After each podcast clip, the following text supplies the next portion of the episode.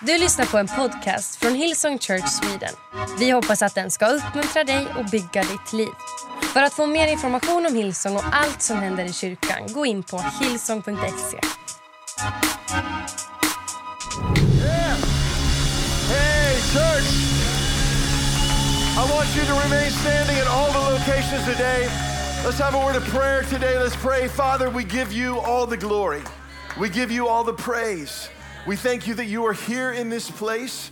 You're meeting with us today. Your presence is here. We welcome you, Holy Spirit, to speak into our lives. Speak a fresh word, a new word into every heart, into every person, into every family that's represented here today. And God, we pray that God, you would show yourself strong and mighty today. Let your word, which is truth, breathe life and truth into our lives, we pray. We are ready to receive what you want to say. In Jesus' name we pray. And everybody said, Amen, amen, amen. Church, you can be seated. It is so good to have you all here to be connected with all the different campus locations that are joining in today. It's so good to be here in Sweden with you. I have come all the way from America to tell you I love you. We love you. We, we love your church. We love what God is doing through your church in the nation of Sweden. It is just growing and expanding as you continue to let the light of Jesus shine. We love Sweden.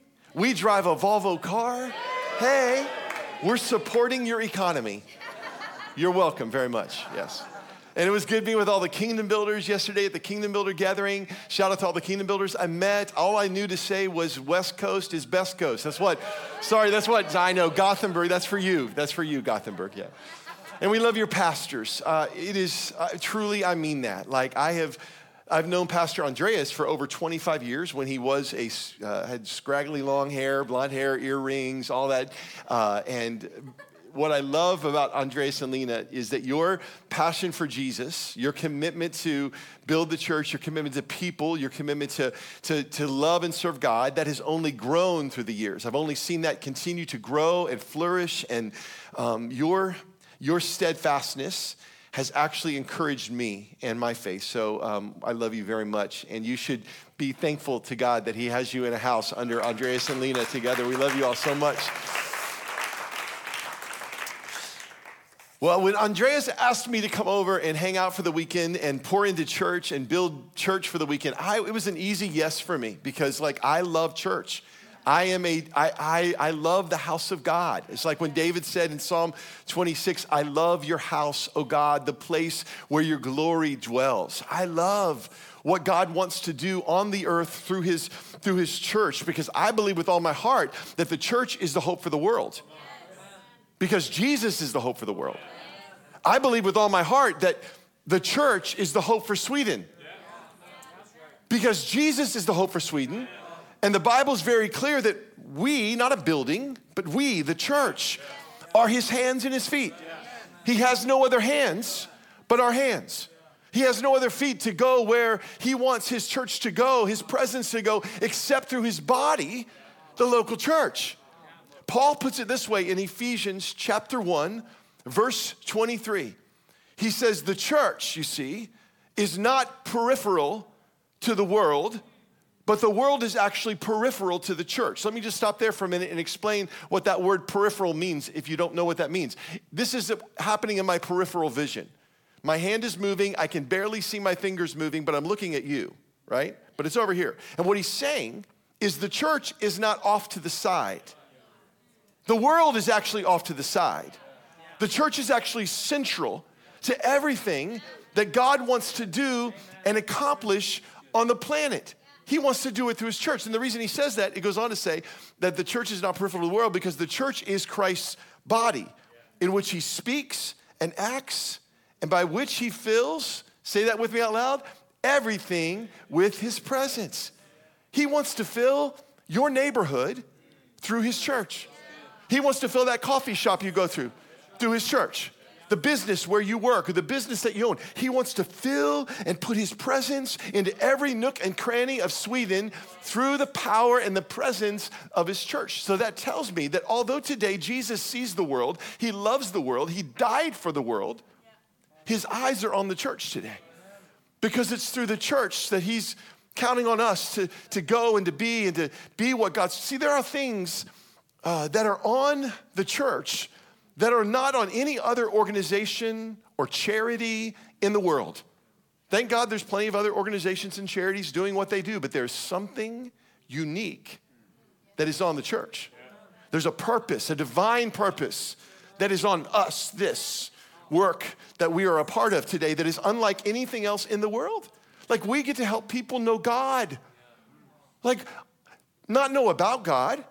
A lot of people know ab- about God, but we actually get to help them know God in a, in a personal way, up close and personal and intimate. Like you get, you get to have a relationship with God. It, this is not about religion. Dear God, I don't like religion.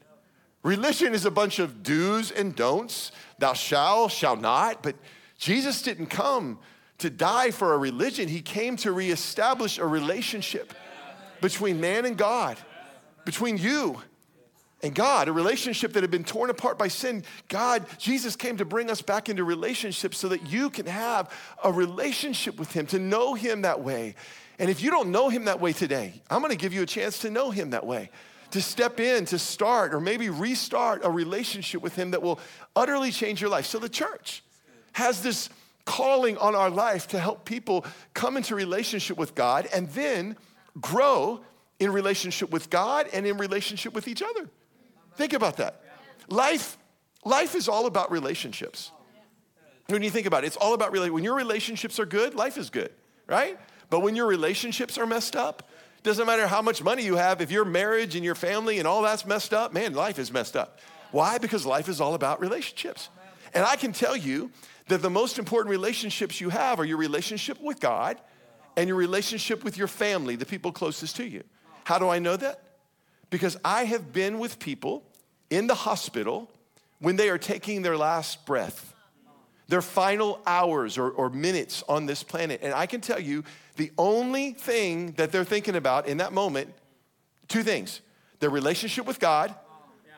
Do I have one? Because I'm getting ready to meet them. And their relationship with the, the people closest in their life. That's all they care about. They don't, they don't care about how much money they made. Doesn't matter. They don't care how big their stock, stocks are going up or down. They don't care. They're not saying, bring me my bank statements one more time.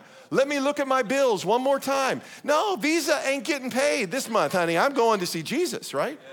All they care about in that moment, and I will prophesy for a moment over you, the only thing you're gonna care about in that moment is gonna be your relationship with God and your relationship with the people closest to you. And can I tell you that the church is the only organization in the world that is committed to those two things? There's no other organization on the planet that is committed to the two things that matter most in your life. The church. We're gonna help you know God and grow in that relationship with God and grow in the relationship with the people around you. And as you step into that place, all of a sudden you begin to discover who you are, who God created you to be, and then you, you attach your life to something that is eternally significant. And all of a sudden your life takes on eternal value and eternal purpose because it's connected to the eternal. That happens in this community called the church. That's why I love the church so much. I love what God is calling us to do and what He wants His house to be. See, He, he wants this place to be a place of healing, that you can come in just as you are with all the places that are broken in your life. And, and, it's a place where God begins to put you back together again, and God actually uses people to help put you back together again.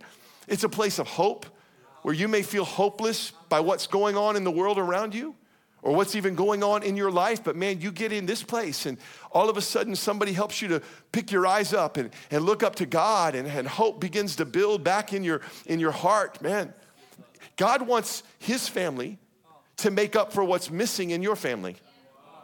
See, we all got stuff missing in our family. In our biological families, there are things that weren't there, people that weren't there for us, people that didn't stay with us, people that walked out on us. And God has ordained, sovereignly ordained for His family, for this to make up for what's missing in your family. But you don't find it if you don't get connected to the family. See, there's a, you got to step in and be a part of the family. You can't just like visit the family. You're not supposed to be in the guest room. You're supposed to have your own room in the house of God. I don't even know where I am in my notes. I just, I, see, I, I think that, I think, I think that most of us understand in the church that God is our Father. We, we, we've heard the scriptures, our Father, about our God, our Father. We prayed the prayer, Our Father which art in heaven, hallowed be thy name. We, we, we know that. We understand that we are, that God is our Father, but I, I don't think we understand who our spiritual mother is. Have you ever thought about it? Who your spiritual mom, we know who our spiritual father, who's your spiritual mother? God actually chose the church to be the bride of Christ. And it would be through the church, think about it, that spiritual children would be born.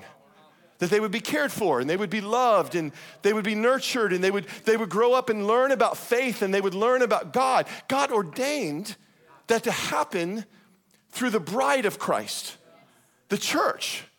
See, I think that many of us understand that God is our Father, but we don't understand that the church is our spiritual. We are also children of the church, not by default, like that's just how it happens, but by divine design. And I believe that God wants his children to honor their spiritual mother.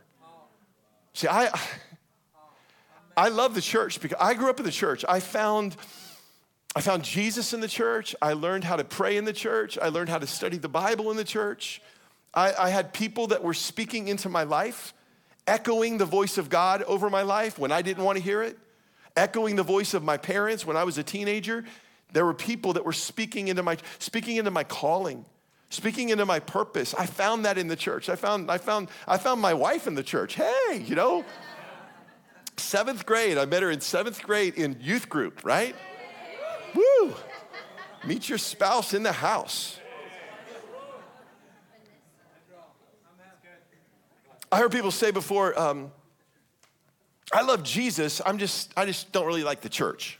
Have you ever people say that? Have people say, I'm into Jesus. I'm just not into church. You know what that tells me? It tells me they don't read their Bible. That's what they tell. Whenever somebody says that, you just need to go, hey, once you read your Bible, because the Bible tells me that Jesus was all about the church. He was all up in the church. In Ephesians chapter 5, it says that he, he loved the church so much that he laid down his life for her. Newsflash the church must be worth dying for. So if Jesus would die for the church, if that was his response to the church, what should your response be? What should my response be? Should it be casual? Eh, take it or leave it, come or go. When it's convenient, I'll show up. When I'm busy, I won't. When the sun's shining in Sweden, I'm not gonna go. or if it's snowing too much, I'm not going to go. Or whatever. Uh, no, I, I, think, I think it requires something more from us. If that's what Jesus, if Jesus laid his life down for it. See, before you and I were here, the church was here. And, and because the church was here, we're here today. And long after we're gone, until Jesus comes back, the church of Jesus Christ will still be here. Governments have tried to suppress it, people have tried to mock it, criticize it, push down their leaders, martyr the leaders of the church, but the church of Jesus Christ marches on because it is not a man made idea. It's not something that humans concocted. Not this, not this. I mean, there are religions that maybe that you could say, but not, not the church of Jesus Christ. The Church of Jesus Christ marches on. It is God breathed, spirit filled, God's purpose, mission on the earth that the gates of hell can't even prevail against the Church of Jesus Christ. You, you may notice I'm a little bit excited today about the Church of Jesus Christ. Not because she's perfect. Dear Lord, just look at who you're sitting next to. I mean, right? yeah, right? Not, no, no, no. We're a bunch of imperfect people trying to love Jesus the best we can, love him a little bit more today than we did yesterday, serve him a little bit more this week than we did last week, right? Encouraging each other to keep going and moving on and what God's called us to do. I tell our people all the time back home if you find the perfect church, don't join it because you will mess it up. and so would I. But don't ever equate the imperfect people in the church with the God ordained perfect plan that is on the church. Think about, think about Jesus. Jesus surrounded himself all the time with people that were not perfect. The disciples were all the time arguing with each other. Peter was cutting off people's ears, saying stuff, ah, right? Judas was backstabbing. But the imperfect people around Jesus did not change the perfection of who Jesus was and what he came to do. And so it is with the church of Jesus Christ. There's imperfect people in the church because I'm here. And then when you see the imperfections in the church, it should actually make you happy.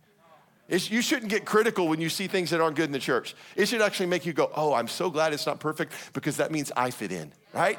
Yeah. God's got a perfect plan that is on the church. And there's, there's a few words that I see over and over in the scriptures as it pertains uh, to the church. Words that give picture to what this is and what this is supposed to be. Words like um, a, a, family, a, a bride, a body, a family, a bride, a body. All these pictures of being connect, connected. In fact, without connection, there isn't completion. Like, think about those words a, a, a family, a family. I, I'm not a family by myself. It takes at least two to be a family, right? And in a healthy family that's growing, you've got all sorts of different people showing up around the table. You got grandparents and crazy uncles and little kids being born, making a mess, and teenagers doing their thing. You got it all going on in a family, right? But there's but there's everybody, there's a there's a connection that you don't, you've got to have in order for there to be completion. It's like a bride. She's not a bride without a groom. There has to be, there has to be a connection. A, body is made up of many, many parts. But if they are not connected to the body, it can't do what it's supposed to do. You may be a hand in the body of Christ, but unless that hand is connected to the, the wrist and the arm, it cannot function and be what it's called to be. Romans chapter 12 is very clear that disconnected from the body, you and I cannot function the way we've been created to function by God. I want to look at a verse of scripture this morning that helps us understand the importance of, of this, what God is inviting you to be a part of. Now, it is a, it is a scripture that here this morning, Pastor Lena already quoted here at our Nora campus. Uh, it is a passage of scripture that I guarantee that if you have been around um, Hillsong very long, you've heard it mentioned. But as I said to the kingdom builders, anytime God has a pastor preach a message or preach a, out of a scripture that you've heard before, it's for one of two reasons. One is he wants to show you something new. So when you hear it, don't shut down and go, I already know that. I already did a Bible study on that. I heard Pastor Andreas preach about that before. No, he wants to show you something new because the Word of God is alive or the second reason is you didn't get it the first time. And so he's giving you another chance to get it. Okay? So you're one of those things because I know you've heard the scripture before. Here it is. It's found in Psalm 92, verse 12. The righteous shall flourish like a palm tree, they will grow like a cedar in Lebanon. Those who are planted in the house of the Lord will flourish in the courts of our God. They shall still bear fruit in old age, they shall be fresh and flourishing. Can I tell you, this verse is all about you. This is all about what God has for your life. Because it says the righteous will flourish. Now remember, you and I are made righteous because of Christ, not because of anything good we can do, not by our own good deeds or trying to be good enough, but because Jesus died on a cross, and when you are in Christ, you are covered in the righteousness of Christ. So, this is a picture of what God has for your life. He wants you to flourish. That word flourish means to, to thrive and to, to grow and to, to, to, to bear much fruit. That's what he wants. And then he gives us two pictures of what that looks like. First, he says, You will flourish like a palm tree. Now, y'all don't have many palm trees here, I noticed. Back home, I got palm trees palm trees blowing through the wind. And those palm trees can be planted just about anywhere. They got palm trees on the beach in the middle of sand. You've seen palm trees in the desert, right? The, it's because their roots go down so deep that it finds the nourishment that it needs. And it's saying that you'll be like that. Your roots are going to go down so deep and you'll flourish no matter what. And a palm tree, you've probably not been to Florida in a hurricane. I've lived there my whole life, and I've seen these hurricanes come through. And when the hurricanes come through, man, other trees' branches are breaking and popping and falling over, but the palm trees, they never come out of the ground. They might have been all the way this way and then been all the way that way, but when the storm is gone, man, they're right back, right where they were, right? A few coconuts might have fallen off, but man, they're ready to go. What that tells me is that no matter what comes at you, no matter what season you might be going through, that you're gonna stand and flourish like a palm tree, right? Isn't that good? And then he says, You're also going to be like cedars of Lebanon. And in the Bible, there's many mentions of the Lebanon, the cedars trees in Lebanon. Um, they speak of strength. And I, I, did some research and I found that these, these cedars will grow to be 150 feet tall. They, their roots go down and actually wrap around rocks down in the earth to give it stability. And they are known for their longevity. There are trees in Lebanon, cedar trees, that are over 2,000 years old today, still bearing fruit. Don't you want that? Like, man, anything you touch in your family, man, it bears much fruit. Well, that's this is what God has for you. But there's a condition to it.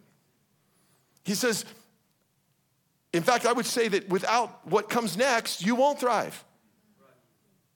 It, it's impossible for you to experience the blessing that we're talking about apart from the, the rest of the verse. The rest of the verse goes on to say in verse 13, those who are planted in the house of the Lord will flourish in the courts of our God. Oh, oh, oh. So you gotta be, you gotta be planted to get in on the promise. Yeah. See, a lot of people want the promise, but they don't ever get planted. Now, that the definition of planted means to put something firmly and securely or strongly in a particular place.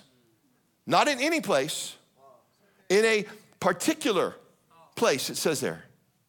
Um, this morning, in my hotel room, I cut open an apple and I pulled out this little apple seed. Now, I don't even know, can you even see that? That's a really small small seed. But inside this very small seed, there is the potential for a life giving, fruit bearing, oxygen generating organism right there, all in this little seed. Man, there's so much potential in the seed. But in order for this seed to ever become what it's been created to be, it has to get planted in the soil.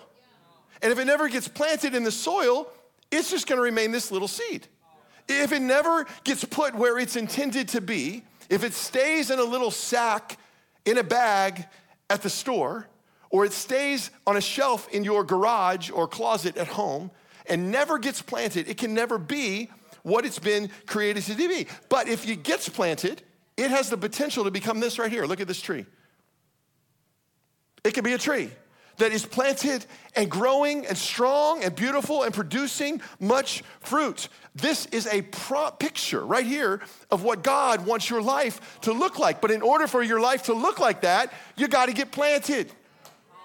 And so many people are wanting the promise without getting planted. Now, some people in the church, they get planted. They come in and they, they plant their little seed into the soil at church, but then pretty soon they get distracted by the cares of the world or by other opportunities in their business or their career or other good ideas. And pretty soon they're, they're digging up their little seed and going, I'm going to go take it over here somewhere.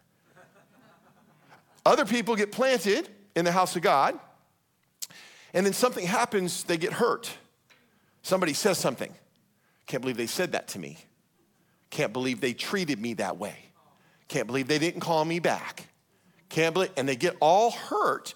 And so they dig their little seed up I'm just going to take my seat away. I'm not going to Connect Group anymore. I'm not going to church anymore. I'm not going to. I'm no longer on the serve team. I'm taking my little seed and I'm going. Well, Jack, you're never going to grow if you keep holding on to your seed.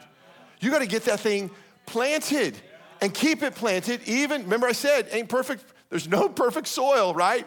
But we want to keep ourselves planted in the soil of God's house. Some people plant and they, they, they stay long enough that they start to get a little bit of a, of growth, but then they rip that out because somebody hurt him, somebody upset him, and they take that away, and those roots never have an opportunity to go down into the ground and become what they've been created to be. And as a result, they remain this little tiny sprout that never, never grows. Some people um, plant themselves in a place that they were never intended to plant themselves. In Florida, uh, we have a lot of, we have sandy soil. It looks a lot like this. It's mostly sand, and um, there's a little bit of soil in it. If you want anything to grow, you got to like bring in a bunch of topsoil and mix it in and make it work, right? And some people are planting their lives in this. And you're wondering why your life is not flourishing. It's because this was never intended to be the place where you planted your life. Some people plant their lives in their career. Man, they give their best, everything they've got to building their career or building that company. Or they plant their lives in a hobby or a sport. Now, there's nothing wrong with hobbies or sports or careers. We all need careers. It's just not where you're supposed to plant yourself. It doesn't say in that scripture, those who are planted in the office will flourish in the courts of their God. No, it doesn't say that. It doesn't say those who are planted on the football field with their kids on Sunday are going to flourish in the courts of God. No, they're going to miss out on everything God has for them if you plant yourself in the wrong place. This isn't where God wanted you to plant yourself. That, that's why around here, Pastor Andreas and Pastor Lena are encouraging you to jump into a, a connect group. Man, jump in, be a part of a serve team. They got all these great night classes coming up. It's not because they're wanting you to um, uh, fill up one more night of your week. We're all busy enough. But they want your life to flourish. They want your marriages to flourish. They want your finances to flourish. It is not what they want from you, it is what they want for you. It's what they envision. They envision that for you. But in order for you to get that, you got to plant yourself in it and you got to stick in it and stay in it and water that seed and build that thing up. That's what God has for you. Parents, I know that we had the baby dedication today, and, and, and Pastor Lena said, get him back in church. Best thing, the best gift you can ever give to your children is not a great education. The greatest thing you can give your children is not a nice home and, and vacation trip somewhere. Those are all nice and fine, but the greatest gift you can give your children is get them growing in the house of God, get them planted in the house of God. Amen? It'll change the course of their life. Then there's some people that, that never really ever get planted, they stay potted. They get, um, have you ever gone to a, a store and uh, where they sell plants? I don't know what you call it here. Home store? Is that what you have? I don't know. Do you, do you all buy plants in Sweden? No, you don't. so we have a place called Home Depot. And so we go to Home Depot. Do you have that? And uh, sometimes I bought plants at Home Depot, and when I go to take the plant out at home, the roots have come through the bottom. Have you ever seen that? Where the roots, it's like root bound, and I'm sitting there, oh, working to try to get it out. I can hardly get it out. And then when I finally get it out, the roots are so bound up in the plant that it's mostly all roots inside, very little dirt. So many Christians are living like that, and they're staying, their growth is stunted because they never get planted. They, they look like they're doing good, but they're not supposed to be this tall. They're supposed to be that tall. And but they can't ever, they're being limited by the pot that they're in. They, they, they, they stay conveniently potted instead of planted. Close enough to the things of God, but not fully committed to that church. Because that way, if something better comes along, I can pick myself up and go over here oh, I like their worship better over here, so I'm gonna go to this church over here. Or, or you know what? I like the preaching at that other church better because he preaches verse by verse by verse, so that must mean it's deeper. No, right? The problem with saying potted is that you are dependent on someone else to constantly feed you, constantly water you. You show up at church and go, Pastor Andreas, give me a little bit of water. Oh, woo, that feels good. But the problem is you can't get the nourishment yourself because your roots don't go anywhere. Put yourself in the soil of the local church. Let your roots go down deep so that you can get nourishment for yourself in Jesus' name. I got dirt all over the place. I'm so sorry. Reminds me of this scripture in uh, Jeremiah 17, 7. It says, But blessed is the one who trusts in the Lord, whose confidence is in him. They will be like a tree. Look at this, picture this, planted by the water that sends out its roots to the stream, and it does not fear when the heat comes. Its leaves are always green. It has no worries in a year of drought, and never, say that with me, never fails to bear fruit. No matter what's going on, when you are planted, you're not worried. No matter what's going on in the economy, no matter who wins the political race today here in Sweden, doesn't matter. Doesn't matter because my roots go down deep into the things of God, into the Word of God, into the people of God. And it says there, I will never fail to bear fruit. That, that tree is always going to be bearing fruit. Now, now, can I remind you of something? Um, the fruit is not for the tree. Think about it. The apple tree doesn't eat apples. You never walk by an apple tree and it's going, no. No, no, no. The, the fruit is for somebody else, right? The, the fruit belongs to somebody else. The tree bears the fruit. The oxygen that the tree generates, it's not for the tree. The tree doesn't need the oxygen, but the people around the tree need the oxygen. The shade that that tree produces, I'm talking about your life, isn't for you. It actually will impact the people around you. See, when your life is rooted into the things of God and specifically planted into the house of God and it flourishes, what you produce out of your life is going to bless the people around your life. So it's not even for you, but it will impact the people closest to you first your family, your children. They, they will be the ones that will either eat of your spiritual fruit or starve from the lack of it. You get to choose. Other people will benefit from the blessing of you staying planted. It'll bring a blessing to you. Don't get me wrong. It's going to bring a blessing. Man, your life is going to flourish. You're not going to stay that seed. You're not going to be a, a little sapling. You're not going to be root bound. You're going to, man, live the life God has created you to live. But it's as you get planted in the house of God. And then as you do, man, things begin to man, produce beyond your imagination because in that seed, let me see if I can find that seed again. In that seed, is not just the potential for one tree. See, in this seed is actually a potential for a huge orchard of trees. Rows upon rows of trees, trees upon trees with fruit in them and apples inside of them that will bear much fruit once they get planted. I can guarantee you the people that planted the seeds, that grew those trees, that produced those apples, have no idea of all the people that will eat of those apples. Think about it. They planted the seeds. The seeds produced a tree. The tree produced the fruit. And then the fruit ended up blessing generations upon generations, people that they, they never even knew. Can I tell you that today, you and I are reaping the blessing of other people that had planted themselves in the house of God? It's the only reason we're here today, is because our great, great, great, great spiritual grandparents planted themselves in the house of God. They were committed to the things of God. They were committed to the people of God. And because they were committed, we actually are eating the fruit that they planted. So, my question to you is who is going to be eating the fruit of your life because you plant yourself in the house of God?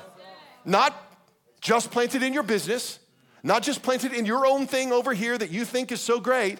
Man, but is planted in God's thing that is eternally great and will produce an eternally great orchard of food and fruit and life for people to, to eat on. That, that's why I love being able to be with the Kingdom Builders this past yesterday. That was just yesterday, right? Felt like a week ago. Yesterday. Because, man, kingdom builders are people that understand I'm gonna give my life and give my finances and resources to build God's kingdom. And I started thinking about it. We all should be kingdom builders. What if our whole church here was filled up with just thousands of kingdom builders? Reckless abandonment to invest and plant ourselves in what God has given us into the things of God. I believe Sweden would never be the same if we could just all get planted in the house of God. And the purpose is this, and I'll, I'll start to wrap up with this. I'm sorry, I went a little long today. The seed that we plant that produces the fruit that our lives are going to give off helps us to fulfill the mission that Jesus gave us. See, you have a mission. Hillsong Sweden, you have a mission right here in your nation to reach those who are far from God and help them find God. Jesus gave us this mission in Matthew chapter 28, where he said, Go and make disciples of all nations, baptizing them in the name of the Father and the Son and the Holy Spirit, and teaching them to obey everything I have commanded you. You are a church that is on mission. We are not here to sing cool songs and drink lattes. That's not the purpose of the church, right? You know that. The purpose of the church, man, we got to we got to get busy because there are lost people waiting on us. We have been sent to represent the King of Kings. Paul put it this way in 2 Corinthians 5. He says, We are therefore Christ's ambassadors, as though Christ were making his appeal to the world through us. It's like, it's as if God is sending you into your workplace, into your company this week, into your school that you go to, into that coffee shop, into your neighborhood. He is sending you to represent his kingdom to represent his ways, to represent his life, to represent his truth. And when we understand that that's what we're called to do, man, that's why we as a church here are taking ground for Jesus. We can't stop. We got to keep moving forward. There are more cities in Sweden you have to go to. That's why you've got to get that building in downtown Stockholm. And I'm praying for more than one building in downtown Stockholm. It's a big city. And all the cities that God is calling Pastor Andreas and Lena to go to. It's why we can't back down because people are waiting on us. And if there was ever a time that the world needed the church to be strong, it's now. If there was ever a time that it was time for uh, the church to hold up truth in the midst of a dark world, it's today, right? And if it was ever time for the people of God to truly plant themselves in the house of God and give their best to this place of what God is doing, the time is now. The time is short. So I, I got two things to challenge you with as we go. First, well, it's plant and pray. Easy to remember. I want you to plant yourself in the house of God. And practically, what I would challenge you to do, you heard today many ways that you get planted. Students, every Friday night, you can come and plant yourself in the house of God. Kids, uh, your parents, you need to get your kids here every Sunday morning, not every other Sunday morning, not every third Sunday morning, every Sunday morning.